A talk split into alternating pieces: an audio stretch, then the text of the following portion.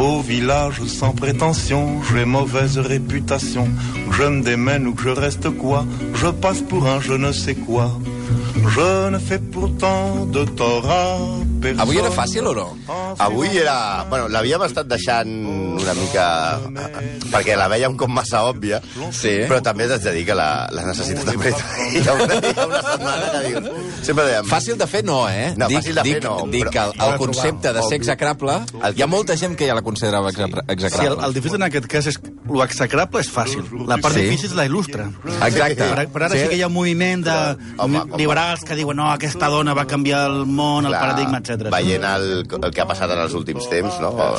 Trumps, Brexit, eh, Teresa May, no l'actriu porno, a la qual li tinc tot el meu respecte. fort, eh? eh de fet. I l'admiro molt, i la miro. Ja hi som. Ja, però aleshores és, és possible que ens va dir, va, tu, fotem-li la Thatcher, perquè la dona, la dona de ferro, però pensa que, que això de la dona de ferro li va posar Dama, no? la Dama de ferro. Iron Lady. Sí. La, The Iron Lady. Eh, li va posar un editorial d'un diari rus.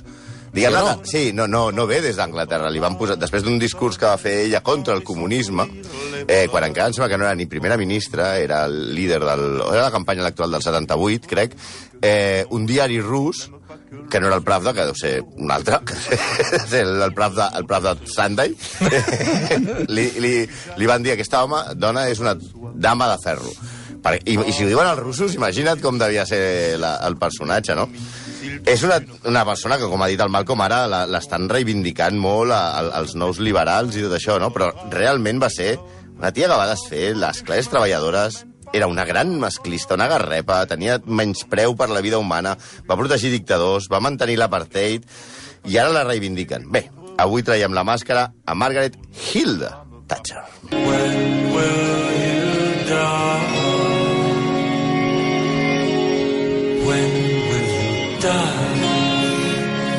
Aquesta cançó de, de Morrissey, Amb un Que- títol poc, bastant poc subtil. que és uh, Margaret on the Guillotine. que dius... Uh, no, però, però hi havia tota una llista... El, uh, quan va morir, es va fer tota la llista de les cançons que li havien desitjat la mort uh, a Margaret Thatcher, i avui era en una sentirem, infinitat. Avui en sentirem bastantes. Per cert, eh, el periodista que li va, la, li va posar el nom de Dama de Ferro era Yuri Gavrilov al diari Krasnaya Zvezda, Ve- Veus? Estrella Roja. Sí, exacte, sí, sí. El diari Estrella, Estrella Roja, eh, Roja el 24 de gener del 76. Veus? Eh, No I es deia així, el titular era La Dama de Ferro. No era ni primera ministra, encara. Correcte, correcte. Clar. Doncs bé, doncs, en el fons el que més vam a dir és que la tia... Tu m'has dit masclista. Sí, Sí, sí. Però a veure, és la primera dona que arriba al poder a Downing Street. Sí, clarament ella va obrir aquesta porta, però era una, ja veurem que era una masclista redomada. Mira, triava únicament homes com a ministre. En en 11 anys de govern només va tenir una dona al seu gabinet. Es va negar a millorar les condicions de les dones i a legislar contra les diferències salarials. I va retallar totes les iniciatives que feien una mica de pudor a feminisme, quan va estar al govern. Quan li preguntaven per què no donava suport a les reivindicacions feministes, ella va dir, obro cita, algunes de nosaltres estàvem fent les coses molt bé abans de que el moviment eh, feminista ni tan sols hagués estat concebut. Una altra declaració que, que defineix a la Thatcher és odio al feminisme, és un verí. O la batalla pels drets de les dones ha estat ja guany- guanyada àmpliament. M'horroritzen els sons estridents que emeten les feministes. No sé quins són aquests sons estridents No, no, que fan les, les feministes. Tanto, voldria pa, parlant de sons estridents, la seva veu era insuportable, d'entrada. Ara no li tinc, no el tinc present. No, La va canviar perquè, mira, el, el, a, la, a la campanya del 78, el crític de televisió Clive James va comparar la seva veu, atenció, perquè la metàfora és bastant, bastant clara, el soroll d'un gat rossegant una pissarra. Ai, Diu, per corregir la seva, aqu- aquesta veu que tenia, va contractar ni més ni menys que Sir Lawrence Olivier, que li va arreglar unes classes de dicció ni més ni menys que amb l'entrenador vocal del National Theatre. Però seguint amb el feminisme, eh, això que deia el Malcolm, tornem, eh, deixem la veu de estrident. Mm. Segons l'escriptora Beatrix Campbell, Margaret Thatcher mai va fer res per convertir-se en model per a altres dones, com es diu recurrentment, i com deies tu, i que t'hem posat el guió i per això ho has dit, no és que ho pensis. home, no, el que sí que és veritat és que va ser la primera, primera ministra dona. Vale. No volia acertar malament. Però no, no va exercir el poder dient a les dones podeu ser com jo, sinó afirmant sóc una excepció. També, els, mira, com, a, com una anècdota, va fer el seu primer viatge oficial al Japó, el 1979, i això té una anècdota molt curiosa. El govern japonès li posa d'escorta 20 karateques dones, Mm. I ella, Jovenetes, eh? Jovenetes. I ella demana que no li posin 20 karateques dones, que li posin 20 karateques homes. A veure, hi ha qui diu que ho va fer perquè no volia ser diferent a qualsevol altre mandatari que visitava el Japó. Però la veritat és que no li agradava gens la companyia de les dones. Relacionar-se amb dones li resultava insufrible, especialment si era la reina d'Anglaterra amb la que tenia uns pollastres increïbles. perquè, atenció a la frase de, de Margaret Thatcher que va dir les dones només tenen converses frívoles. Vamos, ni Trump s'atreveix... Bueno, igual Trump sí. S'atreveix a dir cada cosa. Bueno, diguem-ne que això és una frase que podia afirmar Torrente. Sí, i com Torrente, i qualsevol execrable, com cal, li donava el frasco. Mira, Eren famosos els execrables. seus lingotazos de whisky i si era molt irascible, normalment sembla que les hores en què s'havia pimplat uns bons globs de, de ginebra o de whisky era una veritable hidra. Pels de l'ESO, un monstre de set caps o toe emprenyat, com la teva mare quan et lleves a les 3 de la tarda. Sí, sí. el que passa a l'aspiradora eh, Exacte. per, per la porta de l'habitació. Això és una, és una setmana una hidra. Ja el 1948, a una nota del Departament de Personal d'una de les empreses que va rebutjar la seva solitud de feina, perquè ella era... Després va fer la carrera de dret, però al principi ella era química i, i investigava sobre plàstics i tal. I va fer una... Com Walter White. Sí, exacte, però sobre plàstics que no col·loquen. I aleshores va, va, va fer una sol·licitud per entrar en una empresa química i la, i la van rebutjar el 1948 dient aquesta dona és tossuda, obstinada, perillosament tossuda. Però mira, fins al punt de que després, quan ja vam anar, va, dir, va arribar a dir, això està en una entrevista diu, no m'importa quan parlen els meus ministres, sempre que facin el que, el que els dic. Sí, realment de tossuda ho era una mica. I fa uns anys es van desclassificar uns documents del 79 en el que s'explica com Thatcher maltractava el seu equip cridava, insultava, els tractava com col·legials, fossin ministres o no fossin ministres, eh? L'informe ex explica que ningú s'atrevia a replicar-li, encara que sabessin que estava equivocada. Acostumava a retornar els memoràndums dels seus ministres amb una nota que deia simplement massa tou. I és molt famosa la seva anècdota al despatx oval amb Jimmy Carter, quan va sostenir dues pistoles allò dient a veure quina, quina, quina li molava més, per decidir quin model, quin model compraria pel seu exèrcit davant el pànic dels seus col·laboradors que van veure aquella dona amb dues pistoles i no sabien el que podia Això passar. era el despatx del president dels Estats Units. Sí, m'agrada tothom a Jupiter. I, I va agafar les dues pistoles i va dir, a veure quina m'agrada més per al meu Davant exèrcit. de Jimmy Carter, que tampoc era un prodigi Però no el va d'intel·ligència. apuntar ni res, no? No, no, es veu que no. Sí, eh, tots hem tingut alguna professora o alguna, alguna jefa que l'hem dit la Thatcher. Pues era realment eh, adient el, el nom aquest. Un veritable règim de terror el que tenia entre els seus col·laboradors. Més que la dama de ferro, era un Godzilla amb ressaca. De fet, la mala llet podria venir també de dormir poc. Ah, sí? Sí, sí, perquè considerava que dormir era pels dèbils.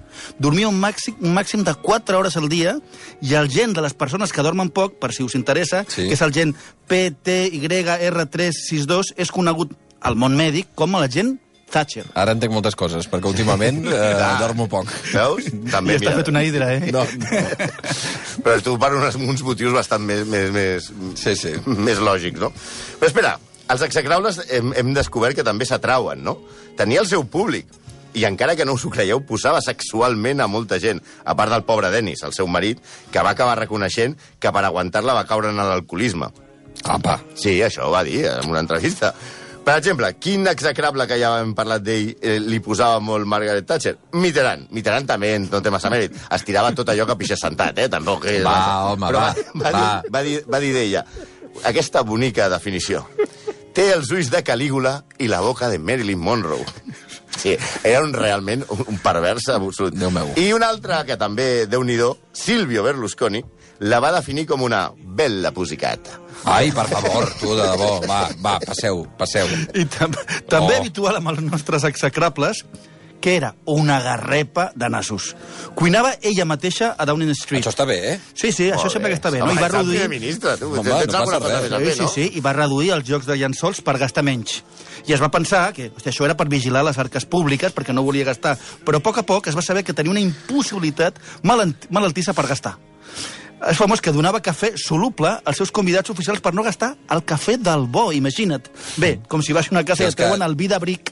Eh, O sigui, si venia un primer ministre a Downing Street, li donava el cafè de pot. Més cafè, El sí, cafè, sí. El, el cafè, diguem-ne, no, no era el car. No, a més a més, i parlant de, de, de retallades, ella, abans de ser primera ministra, el 1970, l'anomenen ministra d'Educació. I ella, a més de mantenir el càstig físic a les escoles, el, el cop aquest amb una branca de badul que es donava a les natges als nens que es portaven malament, cosa que a vegades penso que s'hauria de... Va, Bueno, igual. va. Vale. La seva primera mesura, com a ministre d'Educació, va ser la de suprimir el got de llet gratuïta que tenien els nens a les escoles anglesos des de que tenien 7 a 11 anys. Fet que li va valer el seu primer sobrenom, la lladra de llet. En un, vi- sí, sí. En un viatge a París, també, a principi del seu mandat, la Margaret Thatcher va descobrir que no portava diners a sobre i va demanar diners a l'ambaixada. Li van deixar els diners i s'ho va gastar tot en whisky, ginebra i tabac al duty free de l'aeroport perquè era més barat que el seu país, amb els seus impostos, clar, que els havia posat ella. L'ambaixada va haver de fer, mesos després, una reclamació oficial perquè els diners fossin retornats, però no hi havia manera. O sigui, és allà, allà veient allò, mi tesoro...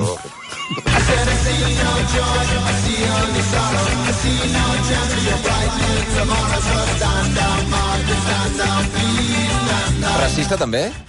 Sí, aquesta Ah, perla de l'humanisme eh, també té aquest petit defecte també molt comú als nostres execrables. Ja en el procés electoral de l'any 78 va dir que els pakistanesos estaven inundant la societat britànica i que la gent no li agradava aquesta inundació de, de gent de cultura diferent. Per aquestes paraules va aconseguir el, recol el recolzament del National Front i va guanyar les eleccions.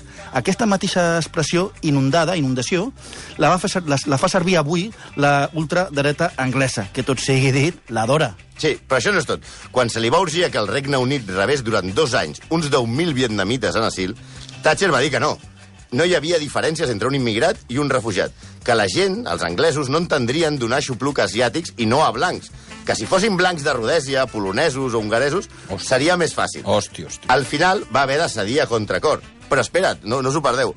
No sense abans proposar comprar una illa a Indonèsia o a les Filipines Comprar per deixar els refugiats allà. Va dir, és a dir, vosaltres voleu venir a una illa, jo us compro una que fa millor temps, això, en això tenia bon cost, millor temps que Anglaterra fa, i esteu en una illa en plan perdido. Tam- També és veritat que no és molt diferent del que passa avui dia, que avui se li, se li donen diners a un És senyor que- que... és Erdogan perquè els mantingui allà i que no vinguin. A, en el fons el que ens han, ens han explicat és que tot el que està passant és la victòria del CIT.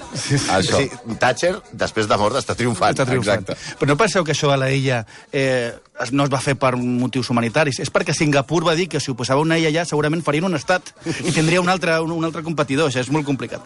Però també Bob Carr, que era el canceller australià, va comentar que Thatcher feia constantment comentaris racistes i li recomanava que no deixés entrar els asiàtics a Austràlia, sense tenir en compte el petit detall de que la, la seva dona de Carr, que estava davant, era de Malàisia. Sí, i de racisme en racisme arribem a Sud-àfrica, òbviament, a l'apartheid. És molt conegut que Thatcher es manifestava i va fer manifestacions i a les entrevistes en contra de l'apartheid. Ah, és que t'anava a dir això. Va. Ella defensava... Però, al tanto, perquè per darrere donava mostres de... Era la gran col·laboradora del govern de Peter Bota. Mostrava el seu rebuig, però, per exemple, va evitar que la, evitar que la comunitat europea prengués mesures. Segons ella, la raó era molt bona per no deixar sense feina la població negra. Uf. Ja, sempre fent de puta i ramoneta. Fins i tot la seva oficina va manar un informe va, va manar que un informe del Foreign Office demanant contundència contra l'apartheid fos ocultat amb les paraules textuals very deep, entre, a, cremar o, en- o, o enterrar molt profund, deia sí. la nota. Aquesta doble moral també s'aplicava a Mandela, el que considerava, i va considerar sempre, un terrorista.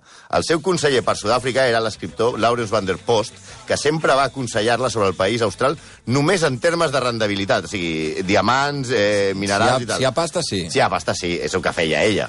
Sí, però és que la política exterior no era el seu fort. Sempre va preferir la confrontació a la ne- negociació. Us sona, això, Trump? Va posar perejil. La...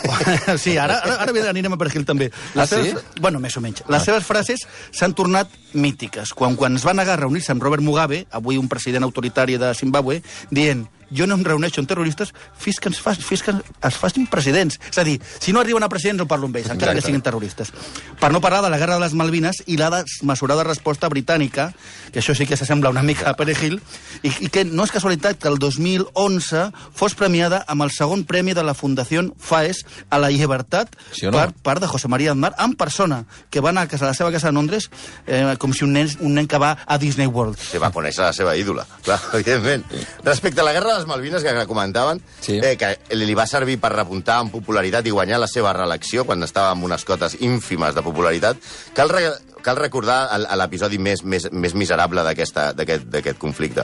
La decisió d'enfonsar el creuer argentí General Belgrano amb un torpeda llançat des del submarí nuclear Conqueror. Va ser exclusivament seva, la decisió. Ella va donar l'ordre de que disparessin. Una acció de guerra, direu. Vale, sí, però ella sabia perfectament que el creuer General Belgrano estava fora de la zona de conflicte i el va enfonsar en aigües internacionals a traïció. Van morir més de 300 eh, argentins en aquell, en aquell naufragi. Per aquesta acció se li va arribar a demanar que la jutgessin, sense èxit, òbviament, com a criminal de guerra. Però és que si no arriba a guanyar la guerra, no es celebraria a les illes el Margaret Thatcher Day, cada 10 de gener. No es podria passejar pel Margaret Thatcher Drive a Port Stanley, capital de les Malvines, o veure el mar des de la península Thatcher de Georgia del Sud, lloc on les forces britàniques van tocar terra per primera vegada a la guerra. Les Malvines són com el ferrol del caudillo, però en versió Thatcher. Clar. També la seva relació amb Europa, seguint amb la política internacional, va ser esquizoide. Va fer campanya contra el Brexit, el primer Brexit, no el d'ara, el 1975, però després va sembrar l'euroscepticisme i fins i tot l'eurofòbia. Va començar a dir alguna cosa així, que no sé si sonarà, de Brussel·les ens roba. Va manifestar-se en contra de la reunificació alemanya, per una part, però en canvi era favorable a la independència de Croàcia, on és un admiradíssima, és un ídol a Croàcia. I va pronunciar un famós discurs a Dublín amb la frase I want my money back. Nens, quiero mi... que hay de lo mío. Una mica Nigel Farage, Sí, eh, també, vull dir que... sí, és el precedent claríssim. Després diuen que els populistes venen de Caracas, però ella volia amb Europa un tractat de lliure comerç, no una unió federal. El seu famós eh, discurs al Parlament Europeu, que es resumeix en tres paraules, no, no, no, al final ha triomfat. Efectivament, ha estat No. no. Però és clar que sempre hi ha algú que rep els seus enxallaments. Quan li van preguntar per la necessitat de reconèixer l'existència dels serveis secrets de l'MI5 i l'MI6, ella va dir dos dels meus professors de lleis, que avui són jutges, em van dir mai admetis res que no sigui estrictament necessari i, en aquest cas, per motius molt clars i amb límits. Joder, és que sembla el manual de la Gürtel. És, és tremendo. és que, però, però hi ha una cosa, aquí fins aquí estem molt bé, eh? Però Maggie, que és com li deien tots, tenia alguna cosa pitjor que el seu caràcter, que el seu menyspreu pels homes d'altres latituds, que el seu masclisme. Què és el que tenia pitjor? Els seus amics! Entre aquests hi havia Ronald Reagan, del que ja vam parlar fa unes setmanes, Sí. i especialment el dictador xilè Augusto Pinochet. Pels de l'ESO us explicarem que Pinochet és com Sauron, però en versió cruel i torturadora, i que aquest home que organitzava posava els presos en els avions i després els llançava al mar. Thatcher va reconèixer que admirava a Pinochet perquè havia portat la democràcia a Xile, però sobretot el va defensar en tot moment justificant les seves tortures com baixes humanes que es donen en tots els conflictes. F Foc col·lateral. Sí, hi ha coses que... Una mica Trump. Sí. Tornem a veure que torna a triomfar... Correcte, Trump que diu, Sí. sí. home, la tortura funciona, perquè no l'hem de fer Home, servir. si funciona.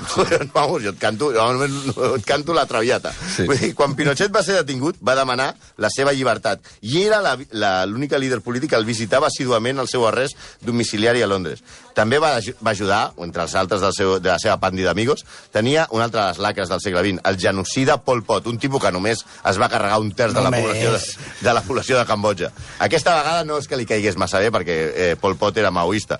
Era, eh, era com sexe sense amor. I was a miner. I was a docker. I was a railwayman. Aquesta també és una altra, eh, de les cançons anti-Thatcher, Billy Bragg. Billy Bragg es va dedicar la seva vida a rajar de Thatcher. Sí, però la veritat és que Gran si, Billy Bragg. si, si fora de casa era uh, un monstre, dins no era millor.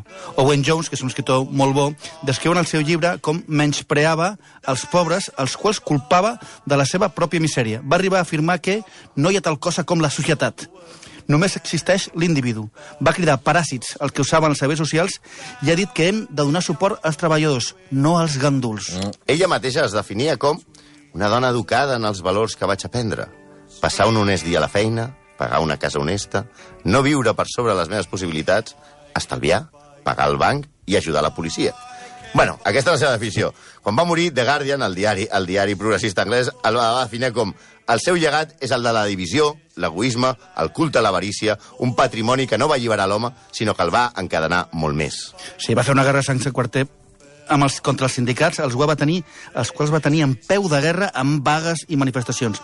I ara recordeu les, les manifestacions i les vagues dels miners. En aquest ambient tan amable, va privatitzar el 20% del sector públic i liberalitzar els habitatges de protecció oficial, despertant l'especulació i desallotjant famílies. La veritat, no se m'acut un malvat de ficció pitjor que aquesta dama de ferro. La seva política amb els lloguers, basada en l'infame impost de la pool tax, va convertir Londres en un camp de batalla amb manifestacions mai vistes fins aleshores, en les que no va, va haver d'intervenir fins i tot l'exèrcit. Es va mantenir ferma i l'impost només va ser retirat quan ella va acabar dimitint i John Major el, del seu propi partit, va abolir la taxa, cosa que ella mai li va perdonar. Oh, clar. Sí, la seva fermesa amb els conflictes era llegendària. Va aguantar les protestes de la Paul Tax i les vagues salvatges de la mineria del nord del país. Va desmantellar el teixit industrial anglès enviant a centenars de milers de persones a l'atur i el, el, els va qualificar com l'enemic interior. Els mateixos miners que durant la Segona Guerra Mundial van mantenir la producció de carbó per salvar l'imperi davant dels nazis. Margaret Thatcher on TV. Sí, sí, sí, És que tenia un cert Ara problema. feia dies. Sí, tenia un cert problema amb els irlandesos, perquè la seva gran lluita va ser a, a, amb els irlandesos. Quan el, el 1981 va afrontar la vaga de fam dels presos de l'ira de la presó de Meis, que reclamaven millores en el seu tracte per part de l'Estat. La prisió de Meis és una de les infàmies més grans que ha viscut al segle XX a, a, a Europa. És, era un camp de concentració sense... Li deien presó, però realment era un camp de concentració. Liderats pel mític Bobby Sands, diputat electe pel Sinn Féin, 10 presos van començar primer una vaga de vestits perquè no els deixaven portar la seva roba. Van decidir anar despullats pel camp. Després, una vaga de neteja, embrutant les seves cel·les amb excrements. I, finalment, una vaga de fam que vam seguir fins a les últimes conseqüències. També els irlandesos, quan s'hi posen bastant capgrossos. Durant l'estiu de 1981 van anar a morir els 10 que feien la vaga, un a un, enmig de gravíssims disturbis a Irlanda. De res van servir les peticions de clemència per part dels altres països o d'autoritats eclesiàstiques, fins i tot del Vaticà. Van morir tots davant de la total indiferència de Thatcher, que no va cedir. Ella deia, són criminals convictes i han decidit acabar amb la seva vida. Opció que no deixen a les seves víctimes. Uah. Sí, arran d'això, el Que 12, bèstia. el 12 d'octubre de l'any 84, eh, l'Ira va estar a punt de matar-la en un atemptat que va volar eh, en un hotel de Brighton, on el Partit Conservador celebrava la seva convenció. Van morir cinc persones. A ella no li va passar res i el dia següent va fer un discurs que tenia preparat com si res. L'Ira va respondre, avui no hem tingut sort, però recordi que nosaltres només hem de tenir sort una vegada. Vostè hauria de tenir sort sempre. És una bonica història d'amor entre el Sinn Féin i Margaret Thatcher, que va seguir fins al dia de la seva mort. El polític del Sinn Féin, Danny Morrison, la va descriure carinyosament com la bastarda més gran que mai hem conegut.